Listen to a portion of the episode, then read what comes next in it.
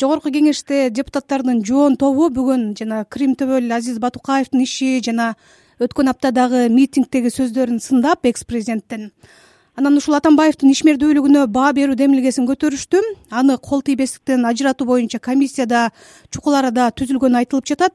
Деги эле ушул жоон топ депутаттардын бир күндө бир пикирди карманганы эмнеден кабар берет? Жогорку кеңештин депутаттары бир аз сабырдуулук деп айтканга да болот эми негизинен. Бирок өтө эле вялый реакция болуп атат да айткандарына. Бийликтин бир бутагы болгон парламентаризмге баратсак анан аларды эки жолу ушундай кемсинткен сөздөр менен айтты да мурунку президент. Ушуга эми реакция кылып атышат. Албетте алардын негизсиз айтылган сөз болгону реакция жасаш керек? Комиссия түзүп анан эмеден ажыратышыбыз керек э, кол тийбестигинен деп чыгып атышпайбы анан бул эми анын сөзүнө сөз менен жооп берип анан жанагы юристтерге дайындайлык алар правовой оценкасын берсин генералдык прокуратура дегени деле туура негизи.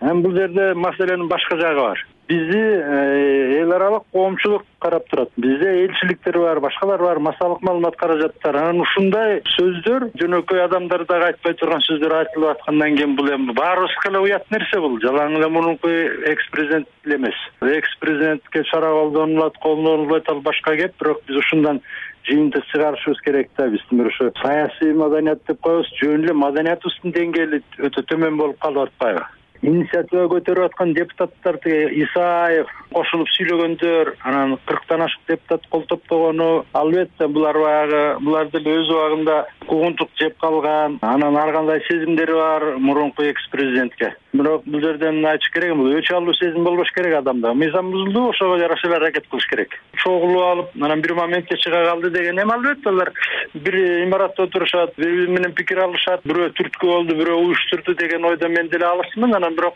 жок такыр эле болгон жок деп деле кесип айтышка болбойт эми баягы парламенттин ичинде болбогондон кийин муну айтыш кыйын. Атамбаевдин өкүлдөрү ошол э, депутаттар саясий буйрутманы аткарып жатат деген баасын берип жатышпайбы? Бул ошол жогору жактан берилген тапшырма болушу мүмкүнбү? Атамбаевдин өкүлдөрү деле бийлик жөнүндө бир жылуу сөз айта элек. Булар эми баягы озвучивать этип атат да булар ар жактагылардын пикирин. Бийлик тарабынан буйрутма болгон күндө деле мындай да эми баягы цезардын аялы эч кандай жогору болуш керек дегендей мурунку президент деле ушундай аракеттерге жол бербей тургандай кынтыксыз жакшынакай жүрүм менен жүрүш керек да. Өзү сактанып партиянын жетекчилигинен кетип экс президенттигин сактап калайын деп жакшы эле кадам жасап атып эле микрофон колуна тийгенде эле баягы мараны көргөн аттай болуп эле улакка чапкан аттай болуп ала качып кетип атпайбы бул кишинин дагы. Жакшы эмес сөздөр айтылып кетти чынын айтыш керек. Бул айтылган сөздөргө коомчулуктун көпчүлүгү эле нааразы болуп атат да. Жогорку кеңештин депутаттары эле эмес ал жөн эле коомчулук нааразы болуп атат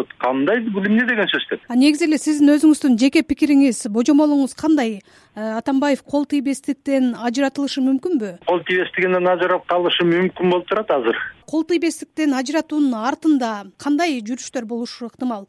Мисалы кол тийбестик бийлик атамбаев камакка алууга барат деген ойлор дагы азыр коомчулукта басымдуу да? Кол тийбестиктен атайын киришип аткандан кийин бул э, биринчиден ушинтип бир сес көрсөтүп коелу деген э, ой деле болушу мүмкүн ушундай болсо коюп калар бекен деп. Экинчиден э, кол тийбестигинен ажыратып туруп муну да камаш керек дегендер деле басымдуу көпчүлүгү. Жанагы биздин бир топ саясатчылар камактан бошолгондо айтышпадыбы мына биздин камерада орун бошоду экс президентке орун бошотуп атабыз деген сөздөр деле айтылбадыбы анан эми бул э, коомдогу ар кандай пикирлер боло берет? Бирок эгерде жанагы батукаевдин иши эң абдан резонанстный иш болуп тергөөнүн жүрүшү бул экс президент билбей бул иш жасалмак эмес дегенге келип атпайбы? Анан ошон үчүн бул ушул ситуацияда ага кылмыш иши козголуп тергөөдө сурак берип калышы мүмкүн. В любом случае ошо суракка чакырылышы мүмкүн атамбаев деле. Эгерде андай болуп калса же камакка алынса саясий абалда кандай өзгөрүүлөр күтүлөт? Кундуз жолдубаева пороховый бочканы жардыргыңар келип атса